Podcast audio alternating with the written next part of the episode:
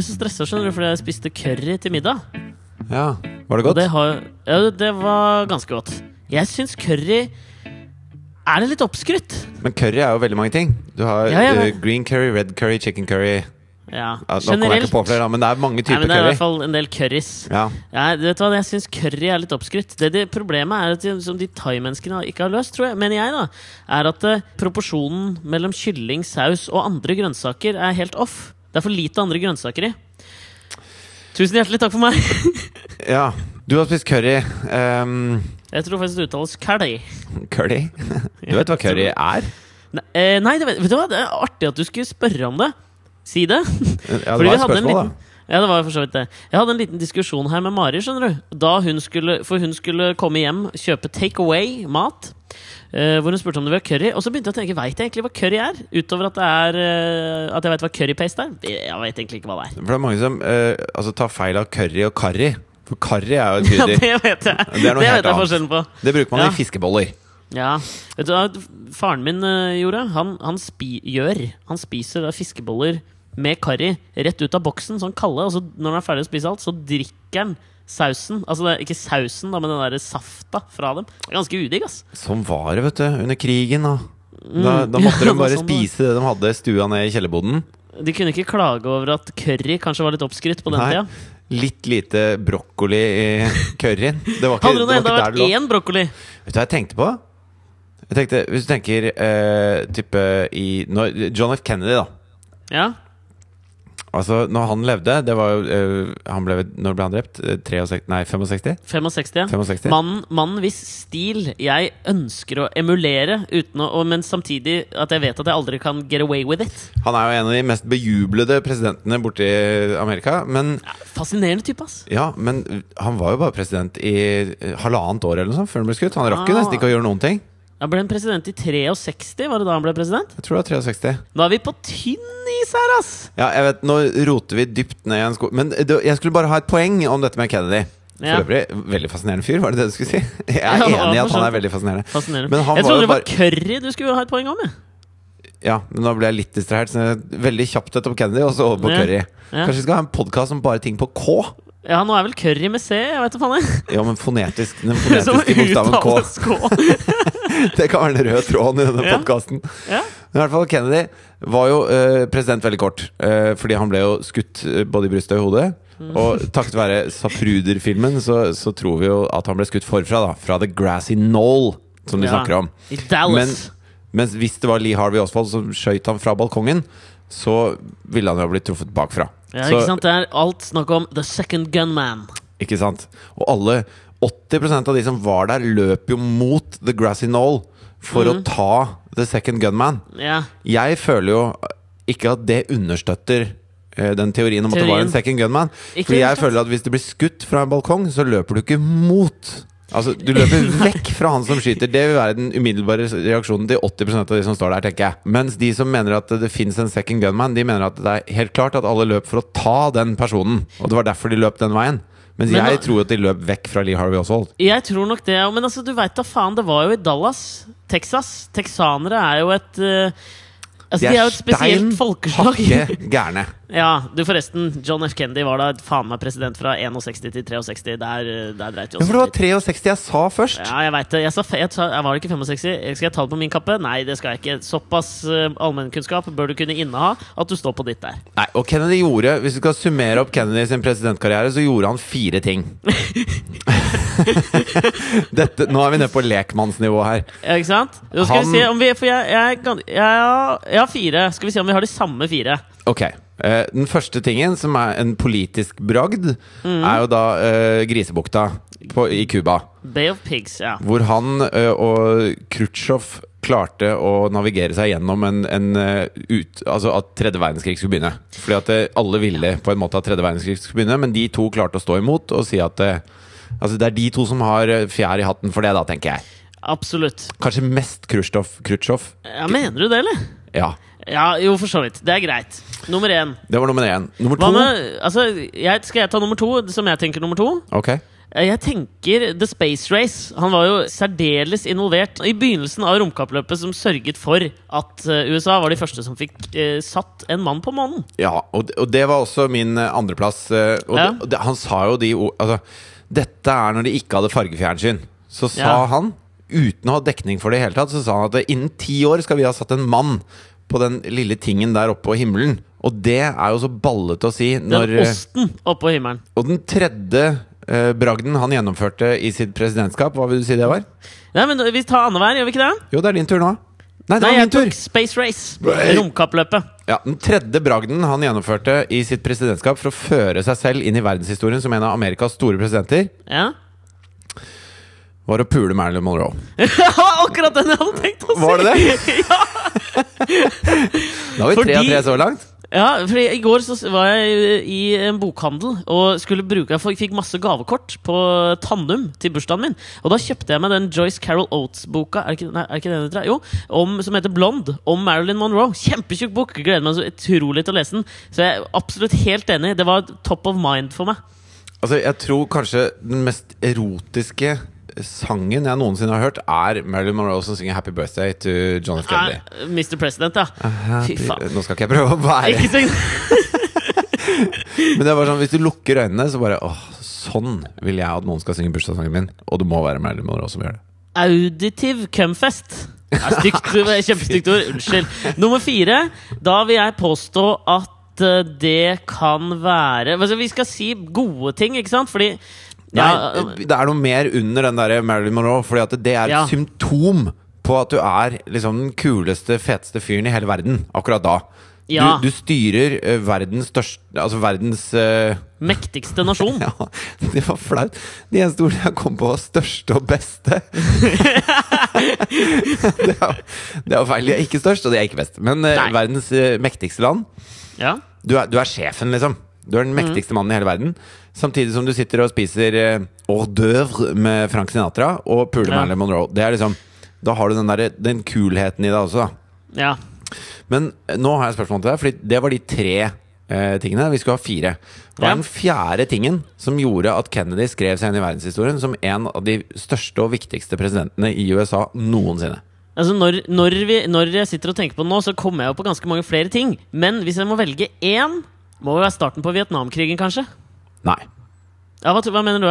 At han ble skutt i trynet. Jeg følte at vi, to, at, at vi allerede hadde tatt den. Jeg. Ja, men vi skulle si fire ting. Ja, vi, og jeg trodde vi var gjennom hele drapet, for da er det selvfølgelig drapet Ja. i 63. Dallas, Texas. Lee Harvey Oswald. Harvey. Oswald. Wine og Harvey.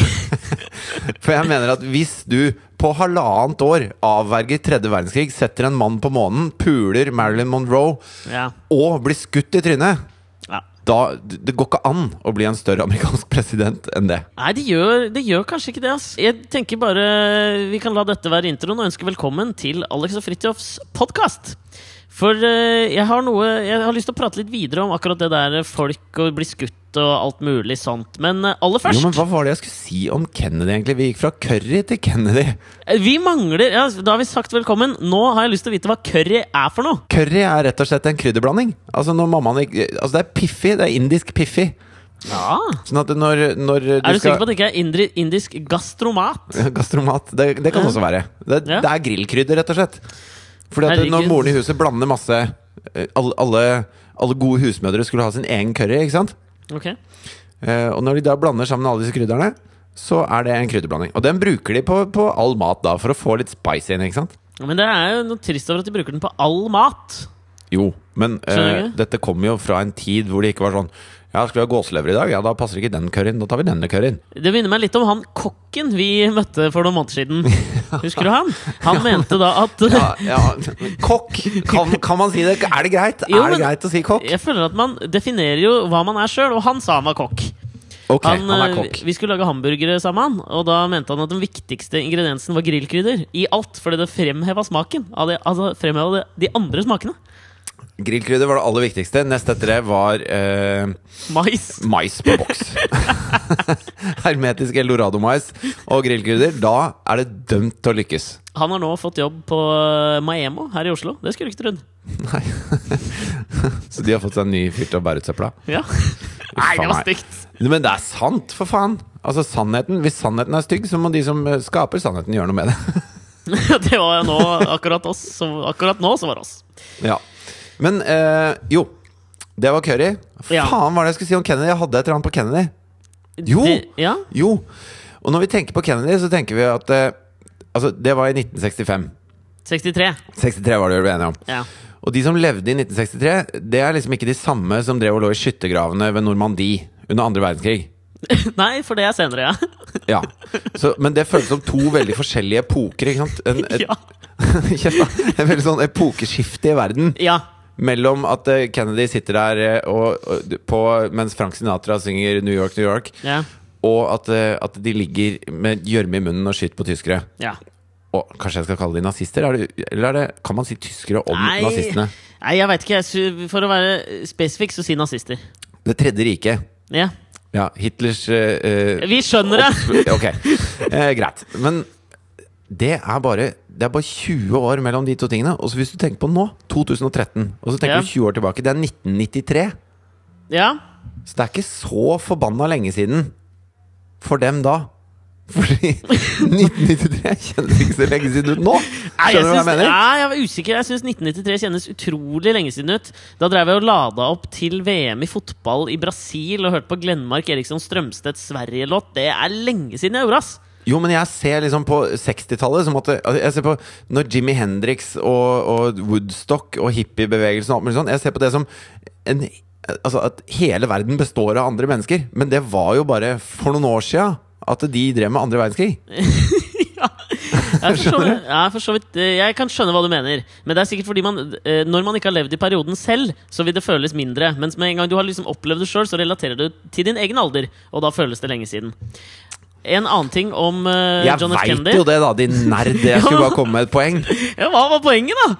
Var det det? jeg sa i sted. Ja, ok. En annen ting om uh, Kennedy, så skal vi pokke meg i oss. Visepresidenten da var vel Lyndon B. Johnson. Det var vel han som tok over, var det ikke det? Jo, det var Jo, det. det var Lyndon B. Johnson. Som eh, jeg har hørt, og mener jeg har lest, at var ah, den, det største rasshølet av alle som har blitt president i USA. Det kan jo sikkert diskuteres, men i hvert fall opp til det punktet. Han var sånn da han begynte å jobbe som senator Jeg tror han begynte å jobbe som en sånn eh, slags sånn sekretær eller assistent til en senator. Og da var han sånn at han satt eh, skrivebordet sitt rett utenfor døra til den senatoren. Så alle som måtte ville inn til senatoren, måtte liksom krype forbi hans kontor. Bare sånn at han kunne liksom vise en eller annen slags maktgreie. Han visste nok den mest maktsjuke jævelen av alle som har vært presidenter i USA. Og det gjorde han med å drive og flytte skrivebordet sitt rundt. Skrivebord? Ja, det, du skal, vet du hva, det tror jeg fortsatt folk bruker. Er det ikke litt sånn uh, i business-sammenheng? så hvis jeg åpner, åpner hotellrommet her i Danmark Altså jeg er fremdeles i Danmark og spiller inn Kakekrigen. Mhm. Hvis jeg åpner døra til hotellrommet, og noen har satt kontoret sitt utenfor der, så betyr det at de skal vise meg hvor mektige de er? Er det det Nei, å om, si? omvendt. Hvis du hadde hatt et forværelse til hotellrommet ditt med en svær Kanskje jeg ser for meg mahognipult, hvor en forværelsesassistent sitter der, så vil du oppfattes mer mektig, og den personen der vil oppfattes som å ha, uh, være i close proximity til makt. Skjønner du? Ja, jeg skjønner. jeg skjønner Mm. Men han er vel egentlig hyllet av alle for å være den dummeste som noen har, noensinne har sittet i den stolen? Jo, men er, er ikke det kanskje liksom et tegn på en maktsjuk jævel at han framstilte Kanskje litt psykopatisk til og med òg. Framstilte seg dum, men var egentlig en glupas. Ja, for jeg tror disse visepresidentene Altså Ja. eh, Sånn generelt sett så velger man en visepresident fordi man er livredd for at den personen skal ha noe å si. Fordi at han har jobbet seg gjennom lang og tro tjeneste opp i en veldig stor maktposisjon. Ikke sant? Og da istedenfor at han skal sitte og, og liksom uh, si det han mener, så setter de han som visepresident, for da er han nødt til å bare si seg enig i alt det presidenten mener. Og derfor bruker de så mye penger på å prøve å beskytte ja, Kanskje ikke bare derfor, men derfor prøver de å beskytte presidenten, så de slipper å ha en visepresident ved roret, for det er automatisk fallitt, da. Ja, Kanskje spesielt med Kennedy, for han var vel bare 43 da han ble president. Valgt som president. Jeg tror han var den yngste presidenten, i hvert fall ja, kanskje til og med til dags dato. Og da ha en litt sånn eldre ringrev som Lyndon B. Johnson, da var det liksom lurt å sette han Altså, hold dine fiender, venner nærme, dine fiender enda nærmere. Det tror jeg var motivasjonen. Ja. Eh, jeg er enig i det. Jeg hadde ikke planlagt å snakke om liksom, gamle amerikanske presidenter. Det er veldig sånn ukontemporær podkast vi er inne på her nå. Veldig Hans Olav Lahlumsk å gjøre. Enig? Ja, det kan godt hende. Ja. Kan vi ikke bare finne på noe annet å prate om, da? Da finner vi på noe annet å prate om.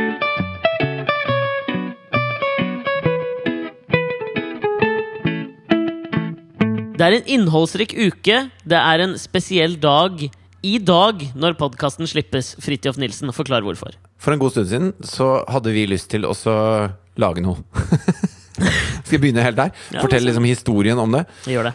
Nei, men altså eh, når, man, eh, når man er ansatt av en TV-kanal, sånn som jeg og Alexander er, så betyr jo ikke det at man hele året rundt lager TV-programmer. For da hadde man vært på TV absolutt hele tiden, og det går ikke. Nei. Så man har eh, mye fri, da. Eller det Og- går, det går jo, men jeg tror ikke det er hensiktsmessig. Nei, det er det ikke.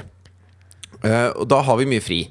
Uh, det, men det, jeg er ikke så bra på det å ha fri, og det er ikke Alex heller, så vi prøver jo da å, å lage nye ting. Komme med konsepter og jobbe opp ideer og alt mulig sånn. På, lage podkast, f.eks. Det, har- det har vært veldig deilig for oss. Ja. Men så hadde vi en idé til VGTV om et uh, program, da, et lite web-TV-program, som vi eh, hadde lyst til å lage sjøl. Og så fikk vi med oss uh, Mandals-Lars, som vi har nevnt mye i denne podkasten før. er. Frieri-Lars. Ja. Frieri-Lars, ja. Som har livefridd i podkasten. Hvor fett er ikke det, egentlig? Det Det er er ganske fett, ass. Og så lagde vi en, Nok en sånn klapping liten på våre egne skuldre nå. Nei, det, Jeg tenkte bare eh, Dette var jo ikke våre egne. Nei, det var kanskje Lars sine skuldre. Ja. At han fridde live på en podkast, er jo kjempekult. Ja, kommer alltid til å huske det. Vær så god. Jeg syns det er litt kred til også. Litt Ja, klapping litt på skulderen. også. også. Ja, Norges første podkastfrieri. Det tror jeg vi kan si med trygghet. definitivt. Men i hvert fall så lagde vi da noen piloter. Um, og så viste vi det til VGTV, og de elsket det. De fordi det er veldig, det. veldig bra. Kjempegøy. Og det har premiere i dag! Men vi spiller jo inn denne her podkasten på onsdag. Folk skjønner jo sikkert at dette, dette er ikke live, det som skjer på iTunes. Eh, Så jeg merker at jeg hungrer så innmari nå, for nå har vi jobba ganske lenge med dette her. Eh, Og vi, som du sa, så gjør vi alt sjøl. Vi, ja, vi filmer jo ikke, da, men vi, altså, vi gjør alt sjøl her. Vi har bare starta et bitte lite produksjonsselskap, og så gjør vi alt sjøl. Og da merker jeg at jeg har, jeg har lyst til at folk skal se det, men det har jo ikke blitt fredag ennå. For vår del. Men jeg oppfordrer alle som hører på podkasten, til å gå inn og se på det. Og så send oss tilbakemeldinger på hva dere syns, for vi er jo ikke ferdig å spille inn eh, hele serien. Så vi kan endre eller ikke endre, eller Men eh, ja. Tusen takk for meg. Ja, men Det som er så gøy med å, å lage ting fra bånn av, det er jo nettopp det at man får en sånn derre Du får en sånn stolthet i det. Ja, det At jeg. eh, Når jeg går inn på mobilen min og eh, skriver vg.no, og så scroller jeg nedover, og så kommer det et svært banner med liksom eh, deg og meg, da, premiere på fredag, og så er det noe vi har sittet og laga i stua, liksom. Så, Ja. så syns jeg det er superfett, da. Du, det er kjempestas. Det er litt som Og å lage mat fra noe, bunnen. Det sier jeg ikke noe for å skryte, men jeg sier det bare fordi at uh, jeg, jeg tror at det å, å klare å være ordentlig stolt av ting, det gjør livet litt bedre. Det gjør i hvert fall livet mitt mye bedre. Ja, jeg er helt, eh, helt enig. Det, jeg tror det er viktig Kanskje det skal være mantra for denne ukas podkast. At man, det er lov å være stolt av noe man gjør sjøl. For at det, det er liksom ikke lov lenger. Er, tar jeg feil? At det, det å liksom ikke At alt oppfattes som skryting, er er uenig. Det må være lov å være stolt. Ja, og skryting er jo Det har blitt sånn derre man skal liksom være ironisk når man skryter, så det blir sånn Ja. skjult snikskryt eller selvskryt Man har lager masse ord på det. Mens det man egentlig det. har lyst til å si Det er akkurat som å si Hvis du, hvis du har en kjæreste da som du syns er helt fantastisk, og så, og så sier du til noen andre at Vet du hva, jeg har den beste dama i hele verden, jeg. Ja. Så er det på en måte å, å skryte av eh, at, man er, at man er fornøyd med den situasjonen man er i. Men jeg syns det er helt korset. Jeg syns det er kjempefint, jeg. Kjempekorser. Ah, Nå har jeg to aproposer. Apropos én. Jeg har jo verdens beste kjæreste. Åh, Apropos to. hun Er har bolle i ovnen. bolle i hånden. Den beste bolla i verden. Ja. Uh, apropos to her. Jeg var eh, gjest på ettermiddagen på mandag. ja. Dette er apropos snikskryting. Eh, og da tenkte jeg at jeg skulle få skravla litt om denne her premieren vår. Men det, akkurat der glemte jeg det litt, for da glemte jeg det litt. og så eh, var Nils Ingar Odne, altså Nilsi fra Senkveld og standup-scenen, han var også gjest eh, etter oss som hadde vært der da på ettermiddagen. Og han er Og den han- første gjesten i vår nye web-TV-serie på VGTV. Ikke sant. Og så bare hilser jeg på Nils i kjapt. Og så uh, har han lånt et head, Lånt i gåstein stjålet et headset av meg. Som han uh, sa kjapt til meg. Du, det ligger på, på backstage der, eller hva faen det heter. Green room. Uh, så bare ta med deg det når du stikker. Eh, og da hadde han lagt igjen mobilen sin på green room, da. Okay. Og så gikk det jo en liten faen i meg, da, så jeg trykka på mobilen hans for å se om han hadde sånn kode. Og det hadde han jo ikke, og da tenker jeg da er det veldig dumt. Og, eller du ber jo om trøbbel når du legger igjen mobilen din, da. Hva, For- Sjekka du bildene? Var det noe tefkesk ut og gikk? Nei, jeg, jeg gjorde ikke det, men greia skjønner du, er at eh, Nilsi har nå en sånn en ukes Twitter-pause. Han fikk en sånn utfordring fra de på ettermiddagen tok en, eh, for å, ta- å ta en en, uke, en ukes Twitter-pause. Hvor lenge er den egentlig? Den Altså, Hvor lenge varer denne Twitter-pausen? En uke. Ja, ja, men fra når, da, vet du? Ditt oh, ja, nå, nå trodde jeg du var ironisk og morsom, ettersom jeg sa en uke omtrent fem ganger i den setninga. Å ja, nei, det var ikke et forsøk på humor, dette her. Nei, jeg skjønner, det var en uke fra mandag, da. Ikke sant? Ok, For det passer jo jævlig fint at han som, har, som er såpass poppis på sosiale medier, og er gjest i den første episoden av TV-serien vår, tar Twitter-pause! Akkurat når Men- vi skal ha premiere og trenger alt det trøkket vi kan få. Ja, det var det jeg tenkte, jeg også. Og da tenkte jeg skulle liksom gi en liten sånn, et lite sparktinn i den forbindelse. Og jeg plukka opp mobilen hans, og så skrev jeg da en, en eh, litt sånn på kanten-tweet. Som da hadde vært avsendt eh, Som hadde hatt han som avsender, ikke sant? Ja. For da kunne han jo ikke gå inn og endre på det. Eh, Men så fikk jeg så dårlig samvittighet idet jeg trykka publish at jeg tok det bort eh, igjen. Men så la jeg ut et bilde først på Instagram hvor jeg liksom sa Hei, Nilsi, jeg legger ut dette som en avslutning for deg. He-he, blink, blink. Ikke sant? Ja. Uh, og jeg skrev også at det var, du, du, må, du må ikke være så dum at du legger igjen mobilen din på green room på ettermiddagen. Og det som skjedde da, var at jeg ble retweeta av en Twitter-konto som heter Snikskryting. Oh, ja. Og jeg skjønte det ikke først med en gang. At det var Så de trodde at du skrøt at du var på green room og fant Ja. mobilen til Nilsi? Ikke sant? Og da ble jeg Først så ble jeg liksom sånn woohoo! Retweeta. Det skjer ikke så jævlig ofte. Og så ble jeg dritflau! ja, fordi du gjorde det ikke for å skryte. ikke, men da er det jo faktisk ikke Altså, er det ikke det som er liksom ordentlig snikskryt? Når det kommer bardust på 'selg deg selv'? Ja, da, da kanskje det er liksom den ekte ekte snikskrytinga. Og det må jeg bare ta til meg. ass. Det var kjempe Det var jo kanskje kjempesnikskryting, siden jeg ikke tenkte på det engang. Ja, du, er- du er mestersnikskryteren. Du har gjort lagd en liten perfekt skrytestorm. Ja. Og så sitter du midt i ø- stormens øye og merker ikke at det blåser. Nei, jeg, det er så deilig. Jeg er litt som eh, haiene i Sharknado. Midt inni stormens øye. Ja. Og spiser Men uh, altså, i hvert fall sjekk ut den uh, splitter nye episoden vår på VGTV. Og, Ja. og skriv gjerne kommentarer overalt. Send oss brev, tenker Ja, jeg. Brev og postkort. Og spre nå dette, da! Spre ting! Vær litt rause, jævla lyttere! Jeg tror eh, at det å lage noe fra bunnen av, og skryte av det etterpå, det er noe jeg kan kjenne meg igjen i. Det, det føler jeg langt inni meg selv.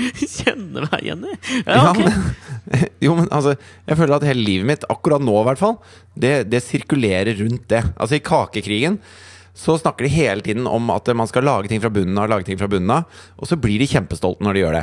Så Ja. jeg tenker kanskje dette er en god idé. Kanskje, kanskje, det er der, kanskje det er der jeg skal være flinkere nå. Jeg skal ikke ta noen sånn halvfabrikata av noen ting i livet mitt.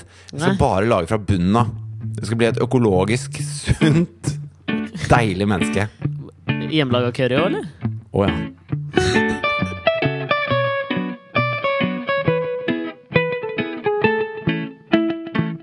Apropos å lage ting fra bunnen av. Jeg så et sånt der, eh, program på TV, da. Om Afrika. Ok.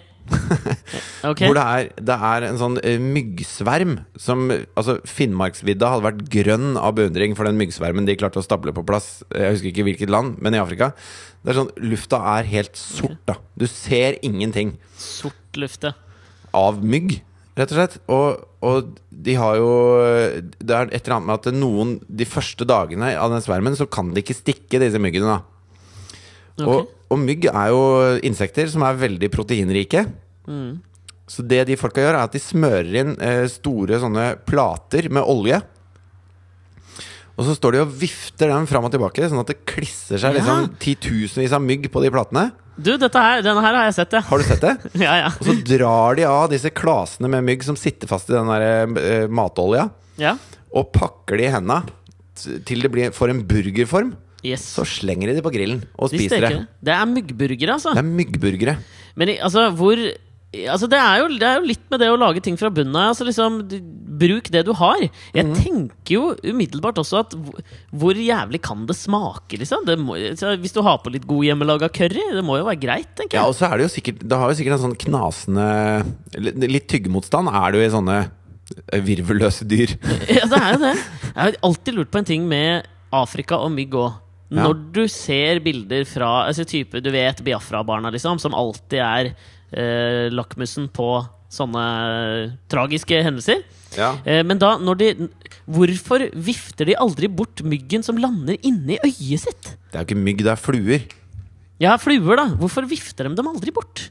Ja, men- Øyet, liksom. Det er dritubehagelig. Men problemet når du ser, når du ser de eh, knoklene av noen barn med sånne store mager fordi at eh, de er så oppblåst fordi at magen ikke har fått mat at det, Jeg vet ikke hvorfor de blir oppblåst, men de, hvert de får sånne kjempemager og tynne armer og bein.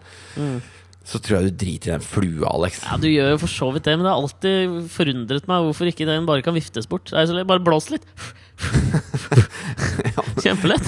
Jeg tror ikke det er så greit. Men, men eh, altså, jeg tror Altså, i Kina og Japan og sånn, så, altså, hvis du går på et marked i Kina, spesielt litt sånn på landsbygda, så spiser de jo absolutt alt Ja. vi kan putte i munnen. Det Frityrsteker de og spiser. Ja. Men altså, vi har jo for lite mat i verden. Og insekter er jo fantastisk lett å drive eh, avl av. ja, men har vi for lite mat? Eller den er vel på en eller annen måte feil fordelt? Jo, men allikevel så uh, Jeg så Jamie Oliver har jo gått ut mot det han kaller for pink slime. Har du Ja. fått med deg det? Ja, altså Det liksom- mukk. mukk. Ja. Maskinelt utvinnet kjøtt, tror jeg det står for. Utbenet. Ut, utbenet, ja. ja. Ja. Først så skjærer du alt kjøttet av dyret, uansett hvilket dyr det er. Og Ja. så står du igjen da med, med på en måte Et kadaver, Et kan du vel kan, kanskje ja. si. Så det er, det er bein, og så er det da eh, det som ligger rundt tarmsystemet og rundt magesekken. Og der er det masse E. coli og salmonella og sånne ting som man har i tarmsystemet sitt. da Og det er uspiselig. Det egner seg ikke til menneskemat. Du blir sjuk hvis du putter det i kjeften.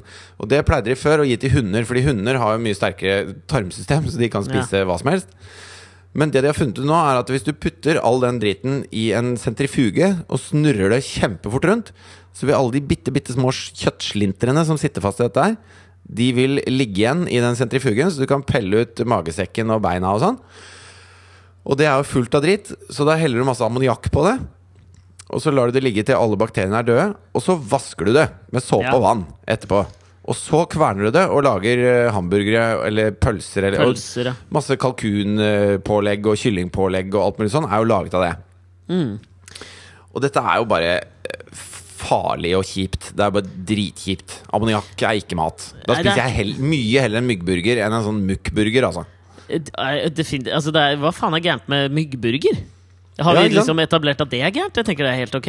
Men tenker, mukk altså, mukk nummer, altså nummer én altså Den ene tingen er at det ser jo i, altså, I tillegg, ja, det er farlig og, og alt det der, men i tillegg så er, Du vet, ting kan være uh, usunt, men det kan se jævla digg ut. Men mukk har, liksom, det har ingen av delene. Det ser altså helt jævlig ut. Ja, hvis du kjøper en pakke med kyllingkjøttdeig, så ser den helt fin ut, den. Selv om det er sikkert 40% mukk i det drittet der. Ja, nei, Nå tenker jeg på tilberedelsesprosessen. Jeg tror det var på en, på en av de Hellstrøm rydder opp hjemme-episodene hvor det var en familie som eh, ja, selvfølgelig ikke hadde peiling på noen ting. ikke sant?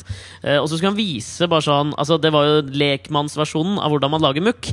Og til og med det var ganske ubehagelig. altså Når du får den der, som man kaller det, pink slime-greia til slutt, etter at han tok det i en sånn mixmaster, da. Så det var jo mukkproduksjon på veldig lavt nivå.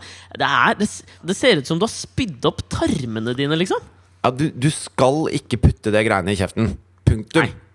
Men, men jeg tenker det må jo være en grunn til at vi, at vi gjør dette med kjøtt, da. Fordi at Ja. det, det, altså, De har jo sånne regnestykker på hvor mange, hvor mange kilo næring det kreves for å lage en kilo oksekjøtt, f.eks. Ja.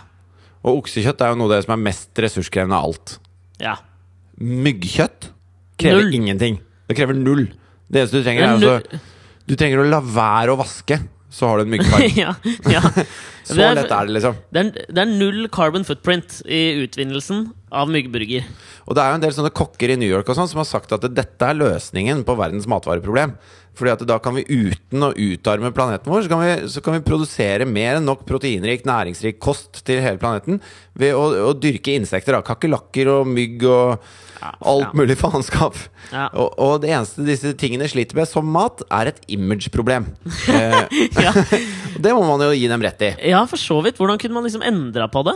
Nei, altså øh, Jeg vet ikke. Det er en jævla bauta de står overfor der, altså. Men hva, hvorfor? Hva er problemet? Jo, men ikke sant? Ja, fordi konnotasjonen til mygg eh, nødvendigvis er dårlig. Hvis det hadde vært sånn at kylling gikk og beit deg i leggen hele sommeren, så hadde du ikke hatt eh, liksom, dritlyst til å spise den heller, tror jeg, da. Nei, og så er det ingen som krever liksom Ja, det må være frittgående mygg. Du må være lykkelig mygg. Mygg, ja, det må ikke være myggfarmer. Vi må ikke oppdrette mygg. Mygg som har bodd på en steinerskole og bare stukket barn. Sånn at det er frisk, friske, sunne barn. Friskt blod som er i myggen. Ja, de har et imageproblem. Jeg, jeg ser at de har et imageproblem. Ja, men er det, det er vel ikke lov å lage møkk i Norge? I hvert fall ikke av, av, av okse og sau, er det vel? Ja, kylling er det lov. Kylling er lov, men ikke okse og sau, tror jeg. Nei, så Eh, så jeg På Narvesen så selger de jo strutsepølse. Str- Jeg så at du la ut dette på Instagram. Jeg Ja. trodde det var kødd. Nei, nei, de selger struts. struts. Gourmetpølse av struts, står det. Eh, Nummer én, overraska over at det er Narvesen som på en måte innfører strutsepølsa til Norge. Hadde trodd at det skulle vært Strøm Larsen eller en highbrow slakter. Jo, men Visste du at Norge er en av verdens største strutsekjøttprodusenter? Ja, du, det visste jeg faktisk. Det er faktisk. faktisk helt sant. Ja, ja, ja. Men eh, strutsen, tenker jeg også, den er på en måte i motsatt ende av myggen. Litt sånn med den image-greia. Skjønner du hva jeg mener? Fordi altså, Den er strutseeggene kjempestor. Ja, den er, den er stor. Og så har den, har, den er eksotisk. Man har, jeg har jo lyst, alle har jo lyst til å smake på strutsekjøtt. Litt som man har lyst til å smake på alligator. Skjønner du hva jeg mener? Det er noe eksotisk. Pluss Ja, at det, den har er det svære egg. smaker jævlig dritt. Det er alltid sånn når man smaker på kjøtt som man aldri har smakt før, så skal man beskrive smaken. Alltid så er referansen kylling. Jeg smaker litt som kyllingkjøtt. Ja, det gjør mukk òg. Ja, jeg gjør for så vidt det. Men, ja. Smaker litt som kylling. men det, er ikke lov å, det er ikke lov å kalle det kjøtt. Er det vel mukk? Fordi det er jo ikke kjøtt. Altså, jeg vet ikke Etter at jeg så det greiene med Jamie Oliver, så var jeg så kvalm at da begynte jeg å google litt. Og, og da kommer du jo bare inn på sånne konspirasjonsteoretiske eh, tullefolk som mener at det er alt mulig piss her og der. Og jeg vet jo ikke hvem jeg skal tro på. Jeg får ikke noe, får ikke noe ærlig informasjon om dette her. Og, og Ja, men det er sant. Og, og det er annerledes i alle mulige land, har forskjellige regler. Og altså, i Afghanistan så Ja. driter de vel om de får mukk eller ikke akkurat nå. Jeg tror mukk er deres minste problem. Jeg ville begynt med de myggene som lander i øyet. Starta der, og så kan mukk komme mye seinere.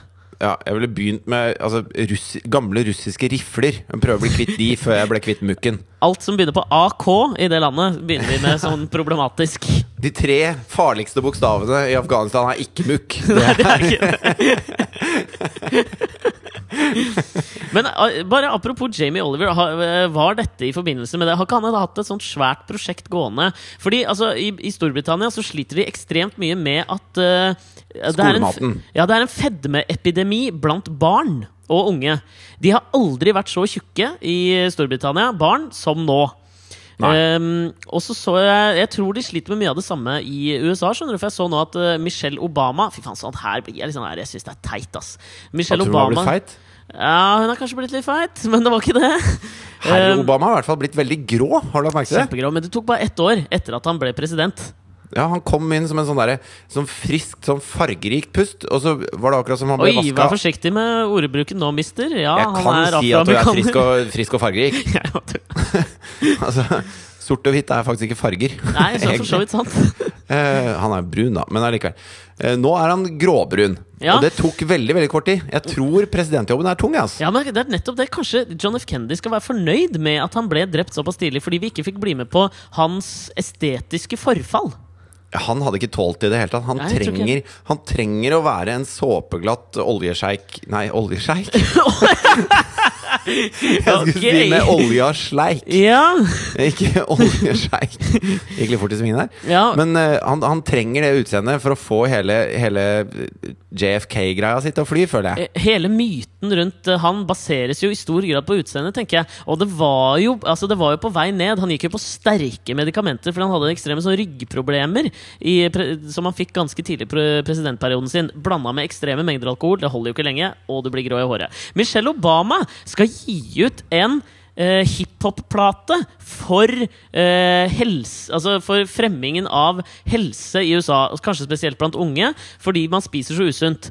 Eh, og da ble jeg litt sånn Hva i kråkenes navn, da? Skal Michelle Obama drive og rappe? Men nei da, hun skal ikke rappe eller gjøre noe. Det er masse altså, Det er jo artister som skal gjøre det. Hvordan, oh, ja. altså, jeg jeg er litt sånn der, Endorse produkter, det er jeg litt lei av at uh, kjente folk låner trynene sine til. Selv om jo dette er en bra ting, da. Jo, men én ting er jo en dårlig Nå trodde jeg virkelig hun skulle rappe. Ja, det trodde jeg også. Rapp mot fedme, liksom. Jeg veit ikke, ass. Det hadde vært helt jævlig. Det er som å ha at Erna Solberg skulle danse for privat næringsliv. Det, at, var kanskje ikke så fjernt fra sannheten. Kanskje rock, Mm, rock mot rus. Rock mot brus. Brus, faktisk. Var det det du sa? Det jeg Jeg sa egentlig rus. Men det Ja, er mye Inne på fedme, da. Det mest fetende av alt er jo sukker, ikke sant? Rock mot brus. Det stopper den nye epidemien vi har i Norge.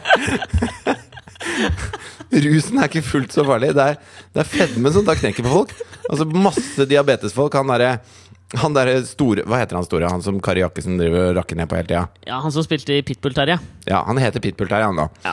Pitbull-Terje på første rad på Rock mot brus. Han bare endorser høyt og heftig. Dette, alt dette her er bygd opp fra grunnen av! Hvilke Med band? brus! Hvilke band hadde headlina den festivalen? Jeg føler at DDE hadde nok vært uh, høyt oppe på plakaten. Jo, men jeg tenker man må ha noen sånne uh, Sånne, eh, jeg vet ikke, sånne jenter som er syltynne, kan synge på rock mot brus. Jeg mener det. Gwyneth Paltrow, som er veganer og brushater, kan være konferansier. Ja, Så du hun fikk stress nå fordi hun var med på en sånn boklansering i The Hamptons? Hun har jo Det er, så, det er også så jævla dritt, ikke sant? Da hun Ja, det sånn ghostwriter sutresak. Ja, jeg er, Er helt enig. Jo, men det var jo da han Jay McInerney, forfatteren av Kanskje mest kjent for den Bright Lights Big City, som er en fantastisk bok som jeg anbefaler alle å lese. Har blitt filmatisert med Michael J. Fox i hovedrollen. Uansett, han hadde tvitra da at hun hadde stjålet hele showet, og han syntes ikke det var liksom kredibelt, ettersom hun bare har liksom ghostwrita en uh, kokebok. Noe jeg for så vidt er helt enig i. Men har man ghostwrita, eller har man blitt ghostwrita? Nei, hun har blitt ghostwrita, er det vel. Ja, Jeg Ghostwrita høres ut som en dårlig superhelt, ass. Jeg gjør kanskje det, eller en dårlig rapper som kunne headlina Rock mot brus. Ghostwriter! Please welcome Ghostwriter! I hate soda pops and I Nei, ok, jeg skal ikke rappe. Nei, ikke rapp!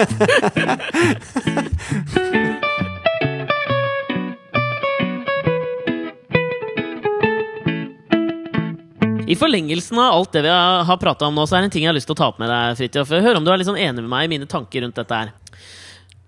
Ja?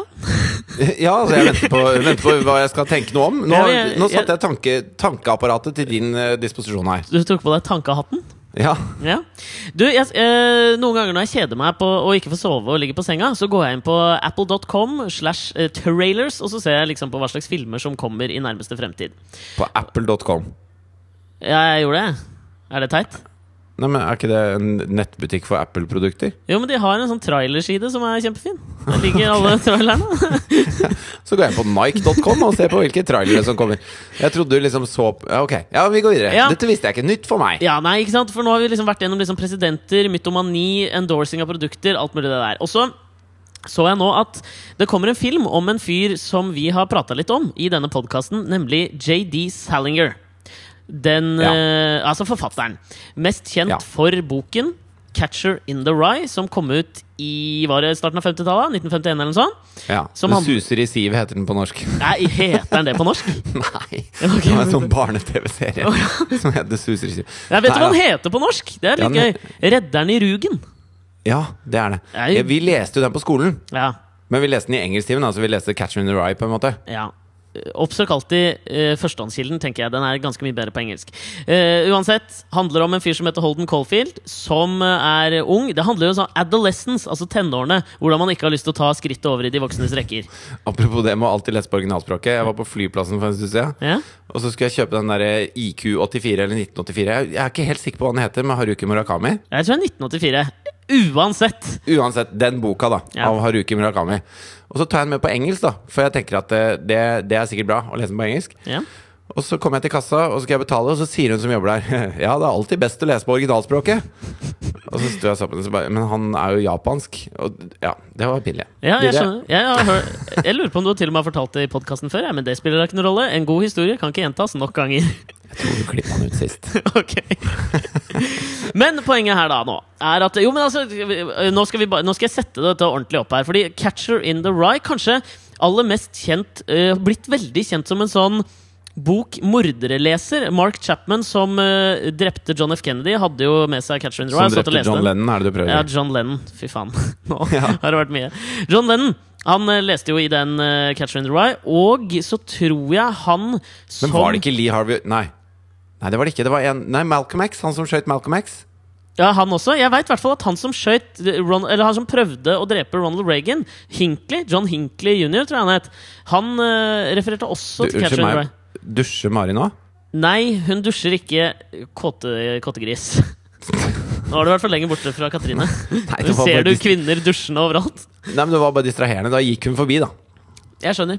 Ja, men Poenget da er at uh, den boka har på en måte blitt satt inn i populærkulturen. Og han er jo blitt ekstremt myteomspunnet, JD Salinger. Fordi etter at han uh, ga ut den boka, så jeg tror det var i 1965 eller noe sånt, så bare trakk han seg helt tilbake fra offentligheten. Han gjorde vel ett intervju. Det er det eneste han har gjort noensinne, Ja. er det ikke det? Ja, det var med en uh, sånn skoleavis oppe i Connecticut, som jeg aldri vet hvordan jeg skal uttale på norsk. Connecticut? Connecticut. Connecticut? Det Connecticut, det er på norsk. Connecticut. Eh, Det var, tror jeg var alt han gjorde. Ehm, Men poenget her nå da er jo at det kommer en dokumentarfilm om JD Salinger som heter Salinger. Så så jeg på den ehm, Men har han skrevet noe slags eh, biografisk materiale? sånn? For han aldri har gitt intervjuer og er en einstøing, så må det jo være veldig veldig vanskelig å lage en dokumentarfilm om han. Ja, det er det, det tror jeg død. også. Det tror jeg også. Og dette eh, Nå tar vi en ting av gangen her, eh, Nilsen. For det er dette, dette skal jeg komme til her. Okay. Eh, denne filmen har jo som vanlig, som alle sånne der amerikanske dokumentarer er, så føler jeg det er sånn pissing contest i å ha med seg de beste sånne talking headsene, ikke sant? Ja, Du mener altså at, all, at det, alle de kule må være med, og de må være kulere enn de andre kule som er med? Ikke sant? Og her var det type Her var det ganske mange bra da som sitter da og prater om JD Salinger og sitt forhold til han. Sånn Philip Seymour Hoffman. Åpenbart er med fordi han spilte Truman Capote i den eh, filmen. Eh, Edward Norton, John Cusack og overraskende nok Danny DeVito. Den tok jeg ikke. Tom Wolff, Martin Sheen. Det var kjempemange bra, liksom. Det var A-laget av sånne talking heads. Ja. Eh, og han som lager den, det var han som var med faktisk å skrive Armageddon. Jeg tror han var 24 år. Shane Sal Salerno heter han. ja det, er vel, det er vel ikke akkurat en sånn eh, veldig kredibel film, den Armageddon, eller? Nei, det vel den største suppa jeg har sett stort sett av alle mulige Hollywood-filmer. Og det gjorde meg jo litt bekymra i starten. ikke sant? Jeg er jo fan.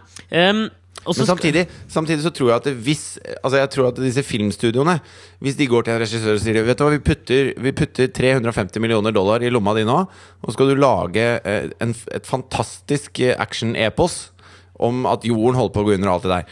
De Mm. gir ikke det til en fyr som ikke har peiling. Han har gjort masse før han gjorde Kakekrigen, hvis du skjønner hva jeg mener.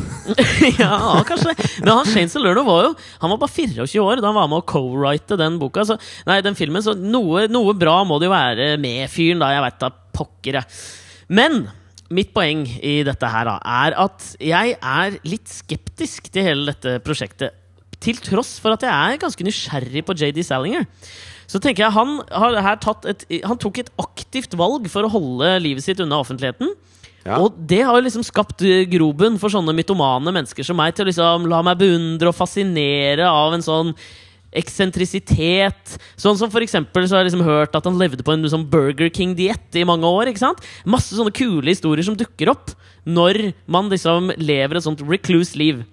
Så han, det, at, det at, han bare, at, han, at han levde som en sånn trailer trash, uh, white trash-fyr, bare spiste Burger King, det er liksom en kul ting som hjelper å bygge opp om hans kulhet? Er det Ja, sånn å forstå? Ja, for jeg tenker at det definitivt ikke er en sånn white trash-ting. Jeg tenker at det er en sånn Bare en sånn eksess, en sånn overflodsgreie. Fordi han var jo stinn av grunker. Litt sånn som Elvis. Du vil ikke si at fordi han spiste dritdårlig, så var det trailer trash-liv.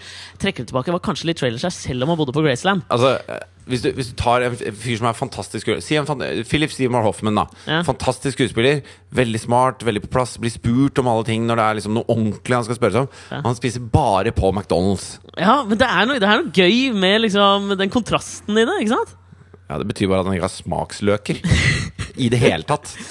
Ja, men det kan, ja, jeg vet Ja, det, ja uansett. For faen.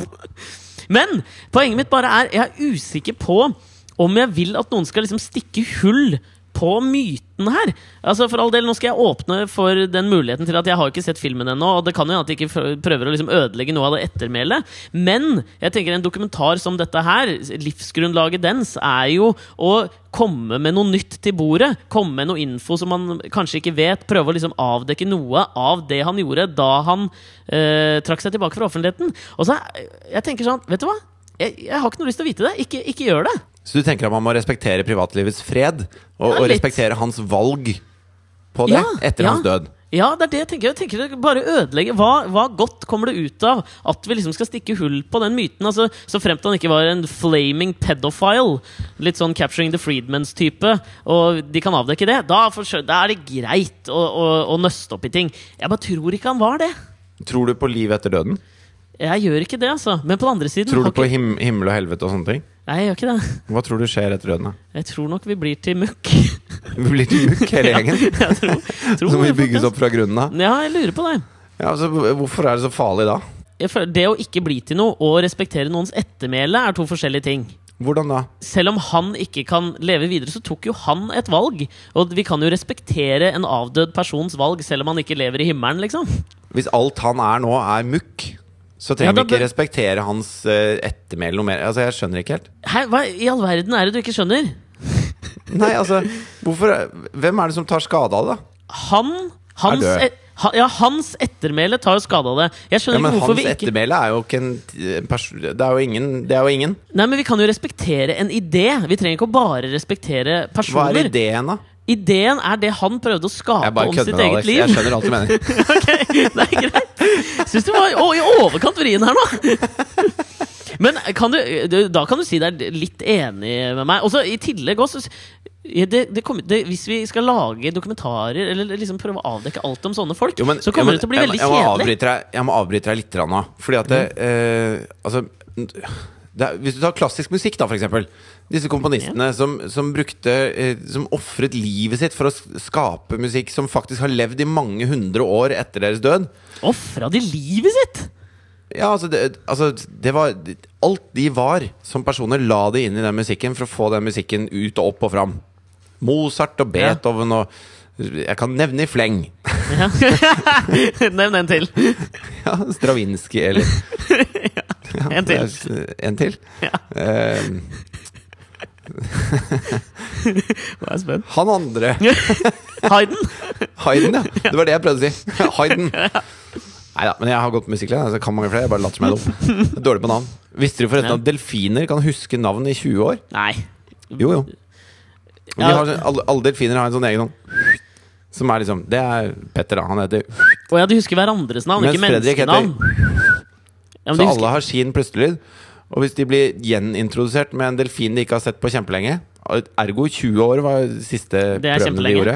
Ja, det, er, Det er- det, er ditt, det er jo ditt mål på hva som føles veldig kort på 60-tallet. Men nå, for delfiner, føles ekstremt langt! Men jeg syns det er lenge å huske et navn. Jeg husker jo faen ikke et navn i to minutter engang!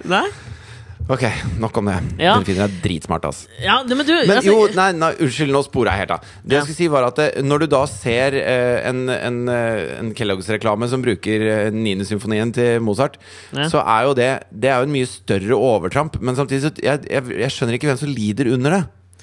Nei, men jeg tror Altså, Og jeg tror en- at det, Sånn som du, da. Som er en av de jeg som lider liksom under det, skjønner du. Ja, ja, jo, men da er det deilig at du blir engasjert. Det er deilig at du har et eller annet med JD Salinger som du kan engasjere deg for igjen. Ja, og at du kan gå ut og si til andre at ja, men dette er ikke det han ville. Og, og da bringer du ettermælet hans videre. Hvis ingen tar tak i dette, her, så bare dør han. Da forsvinner han. Og det må jo være det verste ettermælet. Nei, men jeg tror ikke han altså sånn, den, Tenk deg, da. Den boka liksom, Han har gitt ut én bok, på en måte. Han er jo Dette for- er det Jesus var så bra på. Jo, men for faen, han er jo det, er- Ja. For så Han har VM i ettermæle. Ja, den gir jeg deg, altså. Men jeg tenker han, JD Stellinger, på en eller annen måte så var han jo forfatterverdenens svar på en eller annen sånn novelty-hit. Macarena, liksom. Er kanskje ikke Macarena noe som har levd bedre i senere, senere år, da. Men fortsatt leses jo den i hele verden! Det kommer jo ikke til å dø ut. Altså, Hva jeg, mener du? Det kommer alt dør ut. ikke i, i overskuelig fremtid. Nei, ok. Men, men dette her dette her er jo en, en liten ny eh, bombe i JD Salinger. Plutselig blir det noe som folk prater om. Vi, de sitter her og prater om Vi har prata om han i et kvarter nå. Ja, men vi hadde jo vi Det har hadde du ikke om- gjort. Jo, men vi har jo prata om han tidligere i podkasten, uavhengig av denne filmen. Da har vi den, nevnt han i forbifarten. Den ene jeg tenker altså, Vet du hva, Jeg skal omfavne det du sier litt. Hvis vi skulle overført For det det til som er Norge ettermælet hans, det er at du sitter her og, og lar deg opprive og prøver å fortelle hva, hva din oppfatning av hans ettermæle er. Skal... Og da blir det en, en debatt, da blir det en diskusjon som man kan leve med. Jeg skal åpne for muligheten til at uh, dette kan ikke utelukkende være negativt. Jeg, uh, I forlengelsen av å se den Salinger-saken, så så jeg også da en, et intervju med barnebarnet til Ernst Hemingway, som jeg er stor fan av. På øh, Interview Magazine, som jeg tror ble grunnlagt av Andy Warhol. Hvor artister intervjuer artister. I utgangspunktet noe jeg ikke liker, men det magasinet er veldig bra. Eh, hvor hun også liksom avslørte litt av myten bak Hemingway. Eh, jeg har jo en poster på veggen. Ser du den bak der? Jeg, har sett den før, Ja, så jeg, jeg vet hva det står her. Skal Right jeg si det? Ja, si det, da. Right drunk, edit sober. Ja, Som jeg tror var Hemingways lille motto. Hele myten rundt Hemingway var jo at han drakk ekstreme mengder, og at han skrev mye full. Men så sier Eller da at, han, eller at etterarbeid er veldig viktig for han. Ja, kan jo, være, kan jo godt være det, da. Men hun da sa i dette intervjuet at eh, det bare var en myte at han sto opp drittidlig om morgenen og jobba systematisk med alle bøkene sine. At han aldri var full eh, når, han- skrev. Da tenkte jeg med en gang sånn, nei takk, jeg vil ikke vite det. Jeg vil leve i den altså, Mytomane meg har lyst til å leve i den troen at uh, god kunst skapes uh, med rus. Rock mot brus med rus. ja. God kunst skapes med brus. ja. Men for å Men altså, rock mot rus er jo fordi at rock er jo kjent for å være noe noe som eh, Altså, ut, rock skal utøves av folk som ruser seg. Man skal, Ja. være, man skal balansere på livets knivegg mens Ja. man driver med rockmusikk. Det skal være farlig og sånn. Så hvis du skal lage ekvivalenten til rock mot rus, så må jo det være tjukk mot brus. det må jo være Ja, fett mot brus. Ja, ja, ja. Fett mot mukk. Ikke, noe sånt noe. Ja. Ja. Men hvis vi tenker på dette her med så Salinger, veldig tilbaketrukkent eh, offentlig liv Når jeg nå har åpnet dørene og ønsker velkommen denne debatten om folk som egentlig ikke vil at livet sitt skal eh, være offentlig, er det noen du kunne tenke deg å vite mer om? Jeg kom på en til som jeg har lyst til å vite mer om privatlivet til. liksom En nordmann. Altså, jeg bare Jeg har et sånt speil foran meg her. Så jeg, mens du prata, så ble jeg sittende og se på meg selv i speilet. Er det deg selv du har lyst til å Nei, så tenkte jeg at det, ingen kan noensinne la, altså, La oss si at vi utretter et eller annet helt fantastisk, Alexander. Ja? Mot alle odds. Så lager vi et eller annet som er Ja. helt fantastisk. ja? Det fins ingen som har lyst til å lage en sånn dokumentarfilm av oss, for vi bretter jo ut alt mulig med en gang. Vi, ubetalt lager vi ukentlig en podkast hvor vi timevis eh, legger ut om alt vi syns om alt. Hele ja. tiden. Fullstendig gjennomsiktighet. Ja, Det minner meg om uh, han derre Ai Weiwei, vet du, som har vært ettersøkt av kinesiske myndigheter. Som var med og Han er en kunstner, og han var med og, og Hva var det han tegnet den ene stadionen til OL i Beijing? Var det det? Ja, jeg tror det. Ja, Så han er liksom en, en kunstner som har blitt tatt inn i varmen av uh, styresmaktene der nede. Og så har han jo vært veldig kritisk i ettertid, men han er så kjent at de klarer liksom ikke helt å ta han da Og så uh, har han blitt overvåket i alle mulige kanaler. Og så uh, bestemte han seg for, også, for å motvirke det, da. Så, så snudde han flisa mot dem, så han, han livestreama seg selv i alle situasjoner hele tiden. Sånn at han, han informasjonsbomba de tilbake igjen. Så han, Ja. han, sånn at da trenger de å ansette fem stykker, da, bare for å se gjennom alt materialet. For at det er lettere å skjule noe på den måten hvis du bare moser på med informasjon. Ja, ja. Istedenfor å prøve å, å trekke deg unna all informasjonen, sånn at, eh, sånn at folk eh, kan lete spesifikt. Skjønner du Ja, hva jeg mener? ja, så han snur den flisa på huet. Han, er så, han, er, han har lyst til å være så privat at han deler på alt, for det er ingen som orker å se gjennom alt. Så da har han fremdeles noe som er privat. Ja, jeg skjønner, men det fins sikkert noen sånne Big Brother-fans borti Trash TV Faktisk! Trash TV! hører? Trash TV-fans borti Kina også, som hadde hatt lyst til å sitte og følge med på han. De gjør mye rart i Kina. Ja, de spiser hund. De gjør faktisk det. En jeg kunne tenkt meg i Norge å se eh, en dokumentar om hvor jeg får et virkelig innblikk i livet, hvor jeg føler at jeg, jeg har lyst til å vite mer, det er Jo Nesbø. Hans utsvevende liv på bokmesser i Frankfurt og i Tyskland og turneer. uh, ligging med forfattergroupies. Eh, Du er enig, eller? Ja, men det er et eller annet med bokmesse og utsvevende liv som ikke henger helt på greip for meg. Å, du skal ikke si det, ass! Messetradisjonen i Tyskland er en lenge bevart og ganske crazy tradisjon. Ok, Har du vært på bokmesse i Tyskland, eller? Jeg har faktisk vært innom en bokmesse i Tyskland. Det er okay. dritgøy. Ble det ligging? Eh, ingen kommentar. Okay. Men uh, altså, messelivet er jo i utgangspunktet fascinerende, tenker jeg. Og for han, som vil alltid være superstjerna på de messene, aldri blitt liksom ordentlig eh, dekket.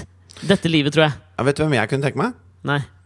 Hvis man, hvis man hadde på en eller annen uh, mystisk mulighet hatt mulighet til å gå inn og finne ut hvordan folk egentlig var. da Sånn at man kunne lage en dokumentar som var sånn Dette er ikke bare en dokumentar, sånn som den Salinger-dokumentaren blir en tolkning av Ja, ja. Salinger basert på ganske lite stoff. Ja. Hvis man kunne gå inn og så, og så se virkelig åssen noen var. Litt sånn som kineseren. Litt sånn som kineseren. Hvis, hvis man hadde satt seg ned med Ai Weiwei sitt liv, og så redigert ned det for å prøve å gi en slags essens av hvem han var jeg klarer ikke å Jeg klarer ikke å si stoffet. navnet, skjønner du, for jeg begynner bare å le hver gang. Ai Weiwei. ja, jeg synes det er gøy. Eh, I hvert fall Da kunne jeg veldig Jeg har lyst til å se det om Max Manus. Fordi jeg tror nemlig Altså, hvis du har sett Max Manus-filmen, det har du sikkert. Ja. Det er, han er jo en slags eh, helt. Det er liksom den norske ekvivalenten til gladiatoren. Ja, ja, ok, Ja, da. Ja, du ok, må gi meg den. Ja, du kan få den. Ja, ok. uh, Men i hvert Noe fall tynn og søkt, men greit. Så han, han er en helt som kjemper for det felles beste og alt det der. Ja. Men min teori på de hjemmevernsgutta For det, det som veldig sjelden snakkes noe om i, i forbindelse med krigen, er jo det at eh, 97% av befolkningen sa bare Ok. Det er som, sikkert akkurat sånn som jeg kommer til å gjøre hvis, når FR, Skal jeg si når? Er, jeg tror Frp kommer til å komme i regjering nå. Nei, Vær så snill å si hvis, da. Jeg kan være helt åpen på at jeg virkelig ikke liker eh, Fremskrittspartiet. Ja. Så sikkert sånn som jeg kommer til å tenke at hvis Frp blir valgt inn i regjering nå, så kommer jeg til å si åh, faen, ass, helvete. Og så kommer jeg ikke til å gjøre så mye med det. Og sånn gjorde folk flest under krigen. Mens eh, Max Manus og gutta på skauen og den gjengen der det var sånn, Hvis ikke vi hadde blitt invadert av tyskerne Max Manus reiste jo til vinterkrigen i Finland bare for å finne noen å slåss med. Og hvis, hvis det hadde vært fred i verden, da, så hadde han blitt dørvakt på Blaze Gobo Han hadde, han hadde funnet noen å slåss med, skjønner du? Han Ja. var en sånn type. Han var en thrill-seeker, og han, han skulle kjempe for et eller annet. Og, og de folka trenger man jo i en sånn situasjon når man er invadert. Men, men han var jo sikkert et rasshøl. Han var jo sikkert en fyr som, som bare på død og liv skulle finne en eller annen å ta rotta på. Og det Ja. synes jeg er et interessant aspekt. Det, hadde, det kunne jeg tenke meg å se en dokumentar om. Ja, jeg er helt enig, men jeg kjenner jo um, noen karer som lagde en dokumentar som gikk på NRK her for litt siden. Øh, som heter øhm, Mysteriet Holst. Ja, den har jeg sett, den har jeg sett. Ja, jeg kjenner de gutta der. Eh, og det dreier seg altså om, da, om mordet på Kai Holst, hvor de virkelig kom eh, ubehagelig for gutta på skauen under huden på hva som egentlig skjedde rundt, eh, rundt dem eh, under andre verdenskrig. Og det handla veldig mye om altså de, Jeg fikk høre litt sånn backside stories der. At det var ganske mye smugling. Det var ganske mange som hadde lyst til å tjene litt penger på det at det var krig i Norge. Kanskje spesielt disse gutta på skauen. Hvor han ene som har laget den, fortalte meg også at eh, de fikk jo ikke Kjakan i tale. Han ville jo ikke prate med dem. Nei, han nekta. Jeg har han sett den, jeg også. Men det han gjorde, han Hva heter det han? Stian, som lagde den, var at han satt seg og venta på Kjakan på et øh, kontor han visste han skulle komme til. Og satt der i åtte timer og bare venta, og rett og slett overfalt han med et kamera. Du må bare sette deg ned. Nå er du talking head i denne dokumentaren. Og jeg, jeg, jeg tror du har veldig rett, fordi vi, jeg tror vi lett ser bort ifra det, fordi det liksom var Det var en gledens tid i Norge, krigen er over. ikke sant? Vi glorifiserer det veldig. Jeg tror det var mye snusk der. Jeg hadde hatt lyst til å se den, jeg òg. Ja, fordi det, det er jo klart at i en sånn situasjon da Så har du noen øh, Noen mennesker som har en slags øh, Altså de aller, aller, aller fleste øh, Gikk videre i livet sitt relativt sånn uforandret Bortsett fra at de hadde en en slags statsminister som het Quisling, som de ikke var så innmari fornøyd med. Og så var det noe Politiet var litt strenge i den perioden. Og bortsett fra det, så var det egentlig rare gardiner. Jeg måtte ha noen rare gardiner. Eh, men så var det jo også folk som mistet folk de var glad i, og, sånn, og som hadde som, som ville kjempe. ikke sant? Så noen inni der hadde en slags sånn rettferdig sak. Men det er klart at i det øyeblikket du går og blir en sånn undergrunnsorganisasjon som holder på med vold og våpen, og skal kjempe mot makta, liksom, så tiltrekker du deg alt mulig faenskap. Ja. Sånn at det, det er klart at eh, gutta på skauen var gjennomsyra av bare uh, Hells Angels. liksom Hele Hells Angels hadde vært med i Gutta på skauen med en gang. De hadde blitt kompiser med Bandidos og laget Røros-fraksjonen av Gutta på skauen. Og du var mye mer redd for Gutta på skauen enn du var for tyskerne. Fordi tyskerne hadde i hvert fall noen lover og regler som de forholdt seg til, som de var enig i. Mens Gutta på skauen var helt uberegnelige. ja, det er gøy. Det er et kapittel av Norges Kanskje vi skal lage en dokumentar om dette her? Ja, det kan, det kan vi godt. ADHD-rasshølene skal den hete.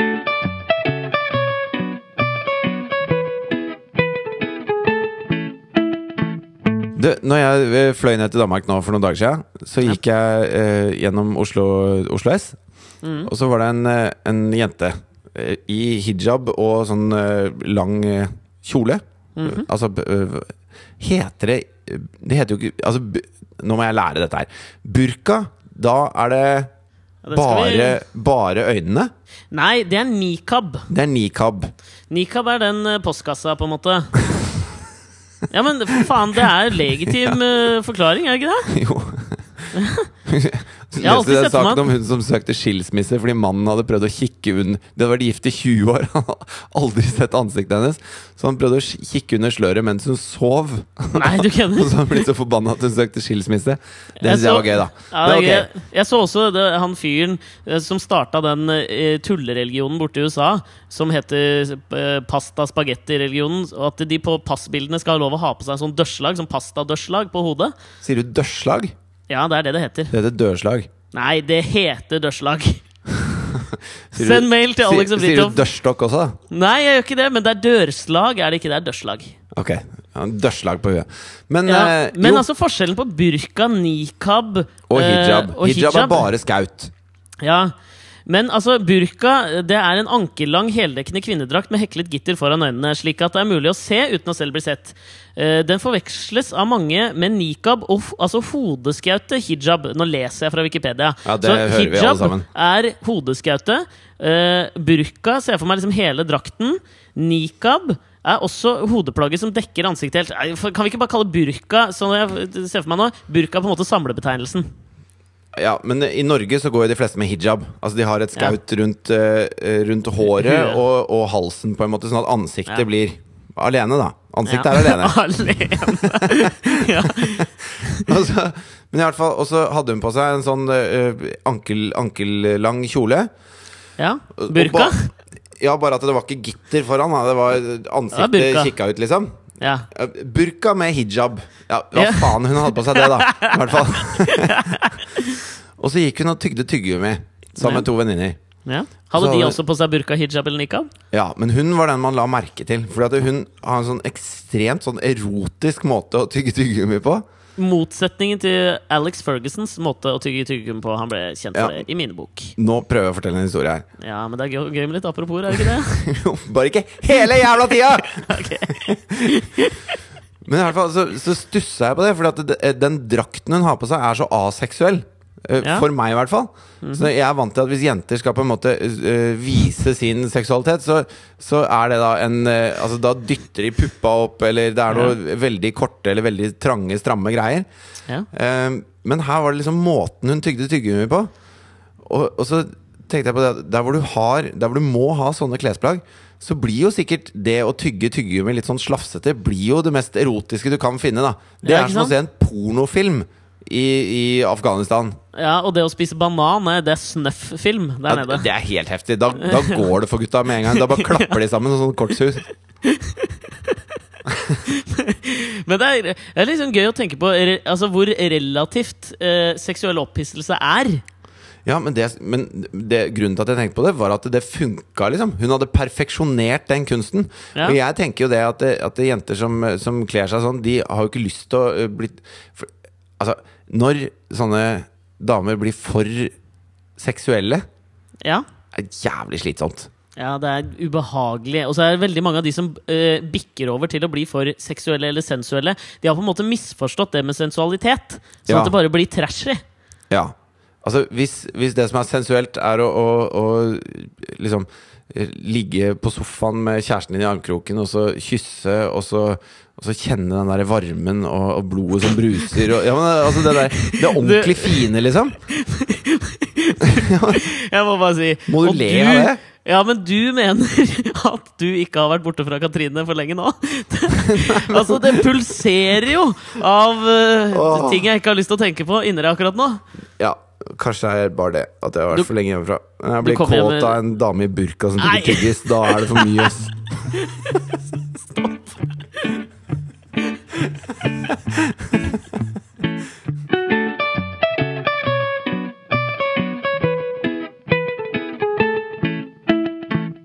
Forrige uke så snakka vi litt om dette med Russland og deres eh, eh, lover mot homofili og Ja. sånne ting. I forbindelse med da Det er jo ikke bare OL de skal ha, men de skal jo også ha fotball-VM, og de skal ha en rekke arrangementer framover. Som er Fo ganske fo Fotball-VM skal de vel ikke ha, Fridtjof? Jo. Nei. Jo. Det er Brasil som skal ha det neste år. Ja, men 2018 skal de ha fotball-VM. Ja, men det er, et, det er et VM før det. Jo, men det er grunn til bekymring, da, for de har vedtatt disse lovene, og de, de har de også i lovteksten skrevet at skal gjelde i 100 år. Ja, det er greit, men det, hvis vi skal ta noe som er nærliggende, så har det akkurat vært VM i friidrett der. For da tar vi heller det enn VM som er etter det neste VM. Ja, men jeg prøver å si at vi skal ha en del ting framover, da. Så det er grunn til bekymring over tid her, skjønner du? Ja. Og grunnen til at jeg sier det, er at han som er eh, eh, fotballpresident i Russland, har Ja. nå uttalt seg også om disse homolovene, da. Åh, ok. Og så sier han da at uh, han, eh, han Jeg tror hans forhold til homofile er veldig snevert. Han, han har selv sagt at han kjenner ingen homofile. Nei. Og så sier han at uh, bare, de, bare de ikke viser at de er homofile, så Mm. er det greit. For det er, altså det at det, det er homofil propaganda. Det Ja, det, er er det, de, det er det de vil forby mot unge, ikke sant? Eh, Mer spesifikt. Ja, og så, og så har han da sagt at det, det er vel ingen som vil ha et fotball-VM hvor menn løper nakne rundt etter hverandre på en fotballbane. og så er han reporteren litt sånn Han blir jo litt sjokkert av dette her. Ja. Og så sier han "Men hva er det du mener nå, liksom? Tror du at eh, homofile Hvis du er homofil og, og fotballspiller, så kommer du til å prøve å kle av alle klærne og løpe etter de andre spillerne, liksom? Og så sier han nei, men altså, dette er jo veldig enkelt. Det er sånn at Hvis du har en eller annen overbevisning, så Ja. trenger du ikke å fronte den. Hvis det er en overbevisning som ikke er så populær. Altså Hvis du er homofil eller nazist, eller, og det var det eksempelet han trakk fram. da. Men altså, han, han faller litt på stengrunn sånn helt i starten der. Fordi hvis det hadde vært sånn at homofili på fotballbanen hadde ført til at eh, spillerne jagde hverandre nakne, da hadde vi vel aldri klart å få gjennomført, gjennomført et fotball-VM for kvinner. Og da hadde det heller ikke vært blitt spilt fotball, og det er jo hovedproblemet. Altså I et fotball-VM så spiller de jo fotball. De gjør det. Fikk du med deg den lille artige humoren jeg hadde om det med kvinnefotball, eller? Nei, kan du ikke forklare? Nei, fordi det er en kjent sak at det er veldig mange lesbiske i eh, kvinnefotball. Og Ja. da mener jeg at hvis han ikke vet det som fotballpresident, da har han gjort for dårlig research. Man kan sende han en veldig bra kamp med, med to jentelandslag på Ja. video og si her er det 70% homofile som spiller. Se er så flinke de er! ja, det, dette går Ja, kjempefint. de, de løper etter ballen, de. Ja. Ikke etter hverandre. La oss da likevel si da at uh, Russland får uh, fotball-VM i 2018. Så kan i hvert fall vi homofilsympatisører og homofile komme oss uh, jæskla raskt uh, fram og tilbake. Fordi har du sett at denne uka så har Elon Musk Edunder lansert eh, hyperloop? Elon Musk Edunder? ja, den hadde jeg tenkt litt på, skjønner du. Jeg elsker sånne vitser du har planlagt. Ja. Fordi Hver gang du sier en sånn vits, så, blir, så får du en sånn der, en liten sånn stolthet i stemmen. Sånn, 'Nå har jeg funnet på lurt!» nå har Jeg jeg syns det var lek med ord, min favorittlek. Nei, Men greia er i altså, eh, før du går videre Elon Ja. Musk eh, Ja. oppfant PayPal. eh, tjente seg søkkrik. Har så laget bilfirmaet Tesla. har så laget bil, så gikk han videre. Han har ikke bare laget én bil, det er, Nei, de lager flere biler. Jeg vet det, det var gøy om at det var hans Han lagde en bil. Ja, Og så har han levert varer til en romstasjon, og han gjør en del kule ting da som privatperson. Ekstremt kul kis. Greia han lanserte denne uka, var da hyperloop. Kort forklart okay. så er hyperloop en måte vi skal revolusjonere øh, transportmulighetene på. Eh, Den er da altså eh, kapsler, Det er kapsler som svever inne i sånne luftlagre som kan gå eh, Altså dette er rør, ikke sant? Og disse kapslene Ja. kan da gå over 1000 km i timen. Og disse luftlagerne jeg skjønte ikke hva han mente. Han forklarte det på følgende måte. da At Hvis du ser for deg et sånt airhockeybord som- hvor det er bordet som sørger for at det er luft under pucken, så kan du heller se for deg at det er pucken sjøl som har disse luftlagrene som gjør at den svever på bordet. Og vi skal uh, sitte inni denne pucken, eller? Vi skal sitte inn i pucken formet som en kapsel som går inn i høye rør som er over bakken. For på den måten da, så blir da selve infrastrukturen å bygge det, bygge tårnene, er det billige, mens kapslene blir det dyre å bygge. ikke sant? Ja. Eh, og så kan det bygges opp i luften, noe som jo er litt tøft, da, syns jeg. Men skal vi, skal vi bare eh, kvitte oss helt med Al Qaida før vi bygger det her, eller? Hvis jeg sitter i en sånn puck i 1000 km i timen, og så, og så, eh, de, så har de uh, kapra en annen puck med en eller annen jævla selvmordspuck inni der. Det kan bli veldig vondt. Jo, men på den andre siden, da dør du, da dør du bang! Da slipper du den der 'Kanskje jeg overlever denne flystyrten', kanskje, kanskje, kanskje. Nei. Og Da veit du. russerne kommer vel egentlig til å bruke den hyperloop til å bare Du er homofil, ja? Da blir jeg rett, rett tilbake. Pump, Det er egentlig ute. lansert for russerne, dette her, da. Ja. Men det som jeg fascinerte meg over med dette her, det var eh, For jeg fulgte litt med da på lanseringa, for jeg syns jo han er så kul. Eh, og vet du hvordan han lanserte det? Nei. Jeg syns det var så pinglete greie. Altså, her er en fyr som har levert Han har levert varer og supplies til en romstasjon.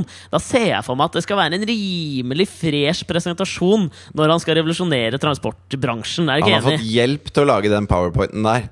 Ja, men Poenget er at han lanserte Det er et PDF-dokument! Ja. Et 57 siders PDF-dokument! Det er liksom som Steve Jobs skulle lansert iPhone for første gang og kom med en skisse, en tegning, på en Jo, men det et er jo litt sånn Steve Jobs. Altså, han er Han kom jo i sort sånn turtleneck. Hvem faen er det som går i turtleneck, bortsett fra Steve Jobs? sin Og- egen estetikk ja, var ræva, men sånn teite presentasjonen var og så står han på en scene som er helt tom, og så sier han Se hva dette er for noe. Men, ja, men det han viste fram, det, var, det så jo smashing ut. Det var jo fancy, liksom. Ja, det kan jeg være enig i. Ja, det var det jeg ble, ble så innmari der, Elon Muskedunder skuffa meg litt, rett og slett. Selve oppfinnelsen, kjempesmart. Men dette Måten er jo ikke en ny oppfinnelse. Altså Jeg husker jeg leste om uh, etter at Concorde slutta å fly. Mm. Uh, fordi det var jo kjempefarlig å fly med Concorde. Kjempefarlig! Uh, så snakka de om at de kunne legge rør under Atlanteren fra London til New York. Og, og ta ut all lufta i det røret, sånn at det er vakuum. For da er det ikke noe motstand. ikke sant? Og så har du et tog som går på skinner inni der, og istedenfor at det toget eh, driver seg sjøl, så har du i New York så har du en kjempesterk elektromagnet. Ja. Så bare skrur du på den, og så sier den!